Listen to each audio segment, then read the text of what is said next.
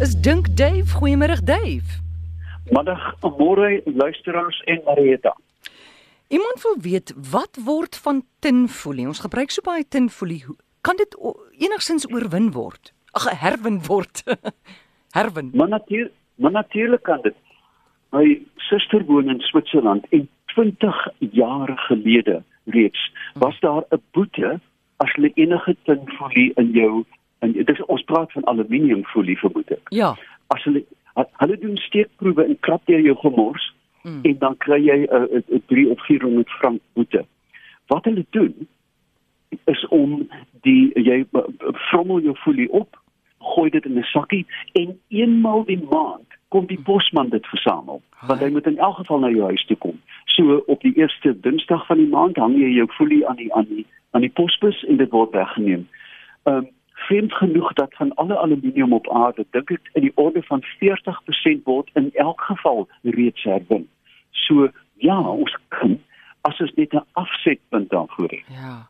En hier in Suid-Afrika die mense wat hulle vullis jy weet in in verskillende sakke sit plastiek hier glas daar en so 'n papier kan jy tinfolie by een van daai goed sit sê maar by die glas of plastiek en dan sal dit darm beter herwin word as hout of papier. Ja, natuurlik, jy kan dit by die by die koeldrankblikkies sit, by mm. die metaalblik. Ja, dis 'n goeie. Uh, en dit kan dan weer geskei word. Ek het jare gelede in die argipel van Stockholm mm. op 'n klein eilandjie gebly. En selfs daar, by die busstop, was daar uh, ek dink so iets soos 4 of 5 klein vaggies groen glas, wit glas, uh, bruin glas, metaal, kompos en uh, ek kan nie die ander onthou nie, papier.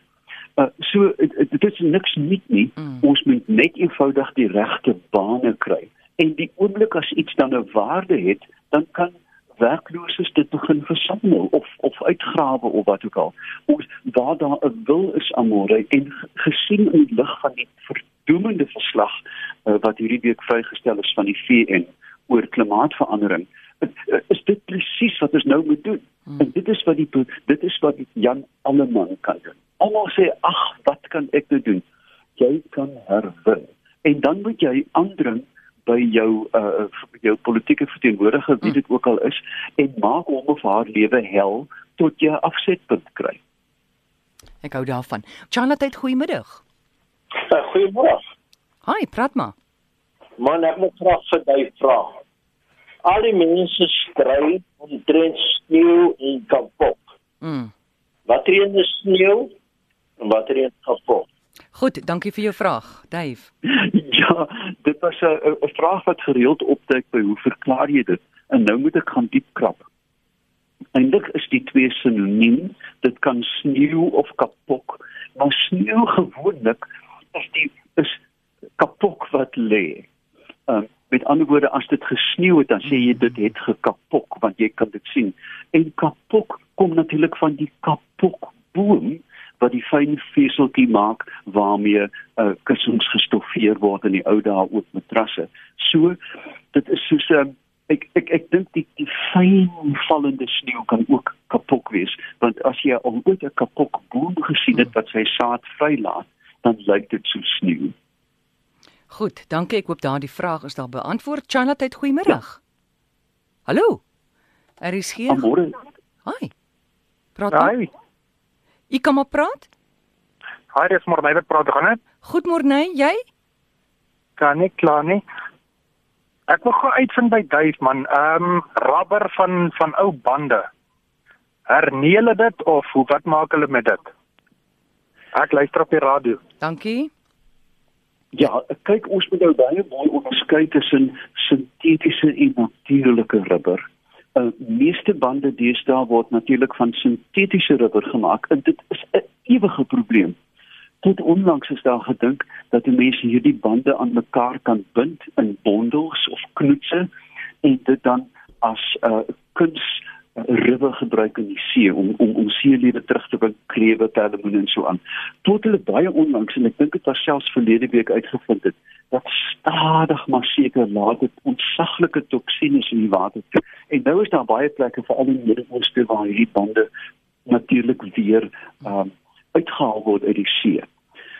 Die die ergste wat jy daarmee kan doen is om dit te verbrand. Dit is vir, uh, Suid-Afrika is mos beroemd vir hulle bande verbrand. Mm. Dit die, daar word verskriklike toksines soos dioksien vrygestel wat hipergiftig is en ook ehm um, karsinogene is.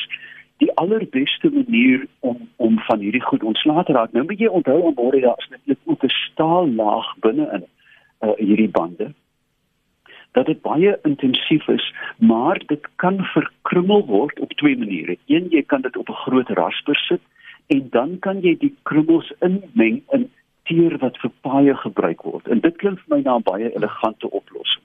Né? Nee? Mm. Dat jy sê net maar 20% van die teer wat jy nou op die N1 sit is uh, verwerkte rubberbande. Um, mm. wat jy ook kan doen, jy kan dit in vloeibare stikstof sit en dit dan met 'n hamerflenter slaan en dan het jy nou brokkies wat jy nou uh, ek ek dink daar is ook mense wat dit binne in bak in sement sit vir bakstene want dit maak die die die die boumateriaal goedkoper maar die mees elegante manier is om dit te verkrummel op 'n op 'n industriële rasper en dit dan in te meng in die teer vir paaie. Goed, dankie. Magda sê, kan Dave my help my hond Pipi in sy kosbak as daar nie kos in is nie?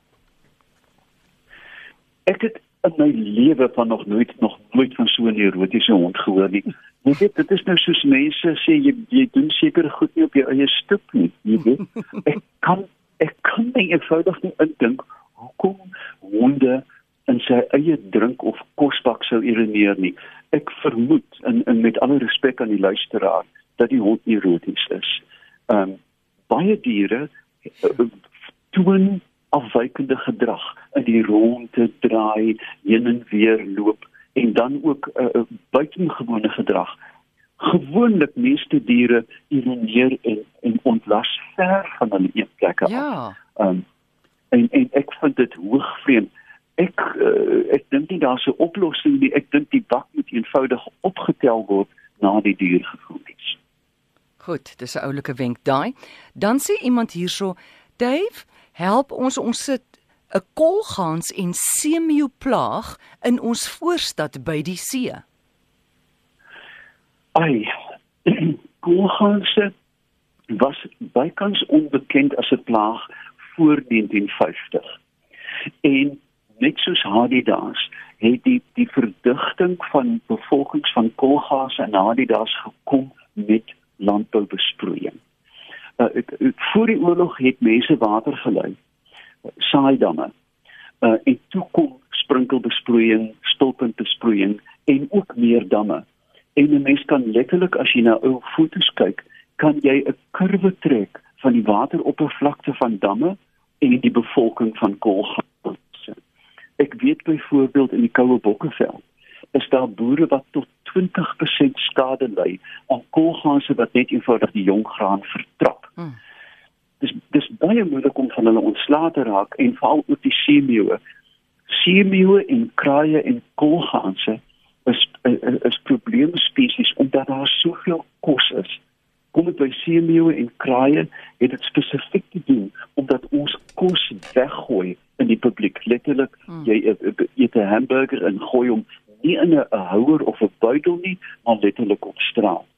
En en en dit is een van die sogenaamde vektore wat kraaie op die oomblik 'n groot probleem reg oor die wêreld maak, is die beskikbaarheid van hoë kwaliteit kos. En net so met met kolganse en hadidas ons ons het groot grasperke daar is meer en meer golfbane en soos jy weet is dit 'n magneet vir die voëls. Sjoe. Goed. Jonathan Jonathan, goeiemôre. Hallo, uh, Amore. Hi. Uh, Skertie van Strysbaai man. Ek wil net graag by Duif hoor. Uh, goeiemôre Duif. En uh Middag. ons ons braai baie met uh, grouwe sout, nê, nee, vir al die hoender. En dan sodra jy nou die grouwe sout op die hoender gooi jy draai hom om, jy aan die ander kant gooi, nê. Nee, mm. Dan moet ou letterlik oppas vir flying objects, jy weet, so skerp voor hom. Wat is die oorsaak dat hy so skiet en jy weet sodra hy in die vuur val, die grouwe sout? Ek luister by die radio. Wag gou, wag gou Gert, ja. jy wil hom nog 'n vraag vra? O, okay. Nee nee nee nee, okay. ek, ek ek ek haal sommer diep asem want ek dink ek het die antwoord. Goed, dankie Gert. Ja, dan die indien jy die grove sout wat jy op 'n braai uh vleis gebruik, mm. sal droog maak in 'n mikrogolfoond voor jy dit gebruik. sal dit nie skiet nie. Die skiet is eenvoudig. Kyk, sout is hygroskopies. Met ander woorde, dit trek water aan. Jy weet mos hoe sout verslaan en by die see moet jy mos reis en die sout gooi in die in die soutpotjies. Sout is altyd ehm um, belemmer. Jy moet 'n tandestokkie gebruik. Ehm um, ek sou voorstel dat indien jy gaan braai, die sout wat jy op die vleis of op die hoender gaan gooi, maak hom kurkdroog in die mikrogolf.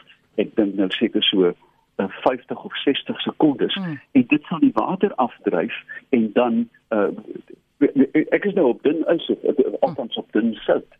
Uh, maar ek vermoed dit is dis water wat vasgevang is in die soutkristalle wat dan skielik in stoom verander en begin skiet. Maar die sout gaan darm nog steeds sout wees, nê? Nee? Na daai mikrogolf. O ja, ja, ja. Ja. As hy nat word dan verslaan sout, ons weet dan verloor hy sy ja. smaak. Ja. Maar as jy 'n uh, gewone ek ek dink 'n gewone grove sout Miskien net 'n bietjie warm maak in die mikrogolf voor jy braai en kyk, hy praat van struisbaai in die in, in dis klam plek, ek ken dit baie goed. Mm. En ek vermoed dat daar is te veel water in die sout. Goed, ons neem nog 'n oproep Chanat uit goeiemiddag. Ja, môre. Yes, met wie praat ons? Ek wil iets vra, maar asseblief. Maar vra. Dan neem my reg gehoor. Uh, kan jy hoor? Jy kan maar praat. Dave, ek en Dave luister. Oggits. Dave, iemand wil by jou weet wanneer kom die Halley se komeet weer verby? O, genade, ek die feite kan ek nie sê nie. Kyk, dit was hier om by 1960 my oupa uh, 1916 my oupa Boy het dit gesien uh. en toe was dit hier in die 80s wat ek spesiaal Sutherland toe gery het en dit het gelyk na 'n klein stukkie watte daar het eenvoudig niks met die ding gebeur nie. Hmm. So as ons nou sê nog 'n 80, nog 'n 70 jaar in daai orde, ek kan nie die fees uitsê nie. Hmm. Maar ek dink uh, dat dat Halley se komeet is besig om sy sy uh, vleuer te verloor. Want die laaste besoek was eenvoudig triestig. Uh, ek onthou my oupa het altyd gepraat van hierdie van hierdie staat wat 'n derde oor die oor die uitspansel gelê. Dit was in vroeër in die eeu glo skouspel agter. Hmm. Uh, ander komete wat vinniger sou kom is byvoorbeeld Hale Bob. Onthou jy Hale Bob? Ja.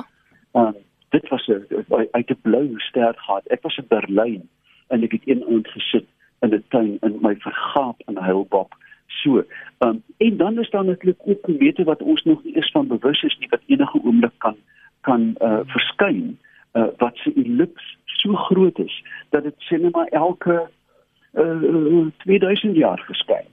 Goed, soos daar is ook natuurlik 'n uh, uh, heel heel wat uh, bespiegeling dat die ster van Bethlehem was byvoorbeeld 'n komet. Jy weet dat dit ja. dat dit so 'n sigbare uh, 'n teken in die hemel was met die geboorte van Christus. Ja, ja. Dave, dit was nou so interessant. Baie dankie. Hem, jy weet hom alles, jong. Nee, nonsens, uh, maar, maar gelukkig, kyk, ek kan julle net nie bedig nie want ek kan nie ek sit op my stoep, ek is nie by 'n rekenaar nie, maar ek uh, Uh, weet jy daar's 'n wonderlike storie wat hierdie ou kamp my vertel het in die jare vroeg 80 toe die heel eerste kreatiewe skryfkursusse aangebied is in New York. En hulle sit by Columbia en daar kom die kursusleier ingestap.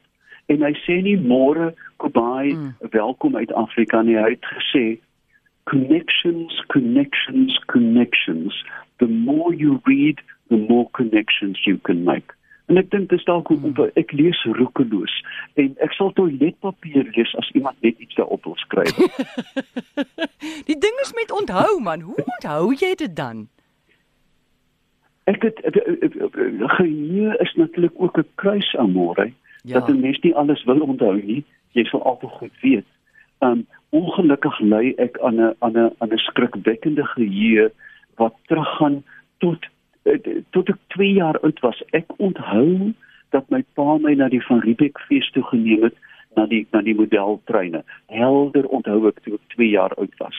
En sedertdien is my kop foos en dis meeste daarvan is absolute nuttelose inligting. Maar omdat ek baie omdat ek baie lees dink ek ja. kan ek breë verwysings maak en dit is as ek toer kan ek na Amerika toe gaan en daar oor 'n houtkapper praat en weet wat hy hier doen. Ek het jou koneksie koneksie. Dave, dankie. Lekker om met jou te konek. Ons praat weer. Totsiens. Le lekker aand vir julle. Dankie. Tot Dis Dave Peppler en jy kan gerus sy Facebookblad besoek.